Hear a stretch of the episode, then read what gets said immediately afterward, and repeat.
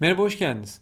Geçen haftaki bölümde bir kayıt yaparken hangi adımları atarız, yaklaşık olarak hangi sırayla kayıt alırız konusunu anlatmaya çalışmıştım.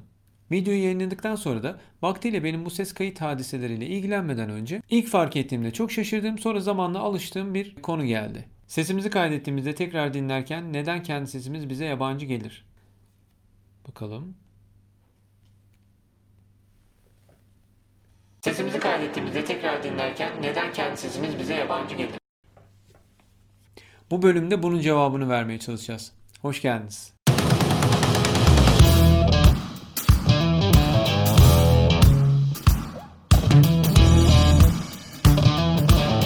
Sesimizi kaydetme konusunda bir tecrübemiz yoksa sesimizi bir kayıt cihazına, bir kondenser mikrofona ya da normal mikrofona ya da bir kayıt programına kaydettikten sonra tekrar dinlerken sesimizin bize farklı geldiğini fark ederiz. Aslında öyle zannederiz.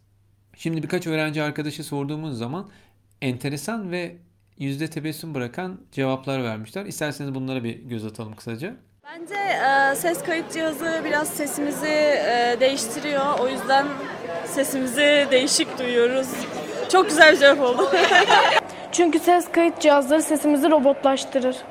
Ee, Bence insanlar psikolojik olarak kendi seslerinin daha güzel olduğunu düşündükleri için orijinal olarak seslerini duydukları zaman kabullenemiyorlar. Bu yüzden kulağa farklı geldiğini düşünüyorlar. Yani aslında orijinal sesimizi özgüvenimiz sebebiyle daha güzel bir şekilde bekliyoruz.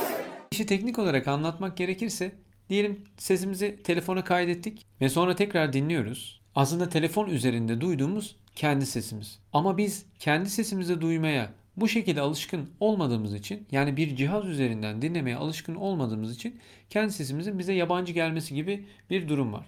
Bu neden böyle kaynaklanıyor? Kafatasımızdaki ve boynumuzdaki kemiklerin titreşmesini vücut olarak hissetmediğimiz için buna alışık olmadığımız ve kendi sesimizi duyarken vücudumuzdaki titreşimle beraber hissederek duyduğumuz için burada benim sesim bu kadar farklı mı gibi bir soru ortaya çıkmış oluyor aslında. Şimdi bu ne demek oluyor? İsterseniz bunu biraz daha derinlemesine inelim. Kendi sesimizi bir ses çalıcısı üzerinden duyduğumuz zaman hoparlörden çıkan ses hava yolu ile kulaklarımıza ulaşmış olur. Dolayısıyla sesimizi diğer insanların duyduğu gibi duymuş oluruz.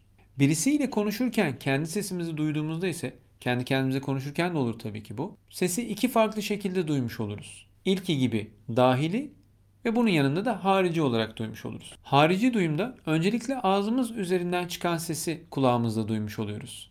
Bu başkalarının duyduğu ses de oluyor tabii. Dahili duyumda ise iç kulakta yer alan koklea olarak isimlendirilen salyangoz yapıda tüy hücreleri tarafından algılanırlar. Yani bu ne demek oluyor? Bu hücreler ses dalgalarını sinir iletilerine dönüştürüyorlar. Bu sinyaller sinir hücreleri tarafından beyne iletiliyor ve biz sesi duymuş oluyoruz. Şimdi bu ne demek oluyor? Kendi sesimizi duyarken kafamızın içindeki titreşimi de hissetmiş oluyoruz. Hem de dışarıdan hava yolu ile kulağımıza gelen sesi duymuş oluyoruz. İki kanal üzerinden duymuş oluyoruz. Kendi sesimizi kendimize benzettiğimiz noktada ne oluyor derseniz? Ses tellerimiz titreştiğinde bu titreşimler boynumuzdaki ve başımızdaki kemikler tarafından da bize iletiliyor.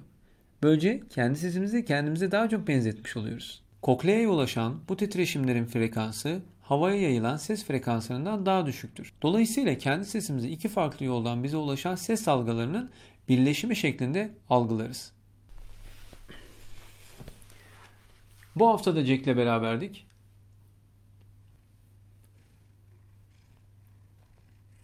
Bu kısa bilgilendirme videosunu izlediğiniz için çok teşekkürler. Ben Sercan, arkadaşım Jack. Beni izlediğiniz için çok teşekkürler. Videoyu beğendiyseniz abone olabilirsiniz. Ee, zile basabilirsiniz. Size bildirimler gelecektir. Jack ne diyorsun sen bu duruma? Evet. Jack görüşürüz. Bye bye.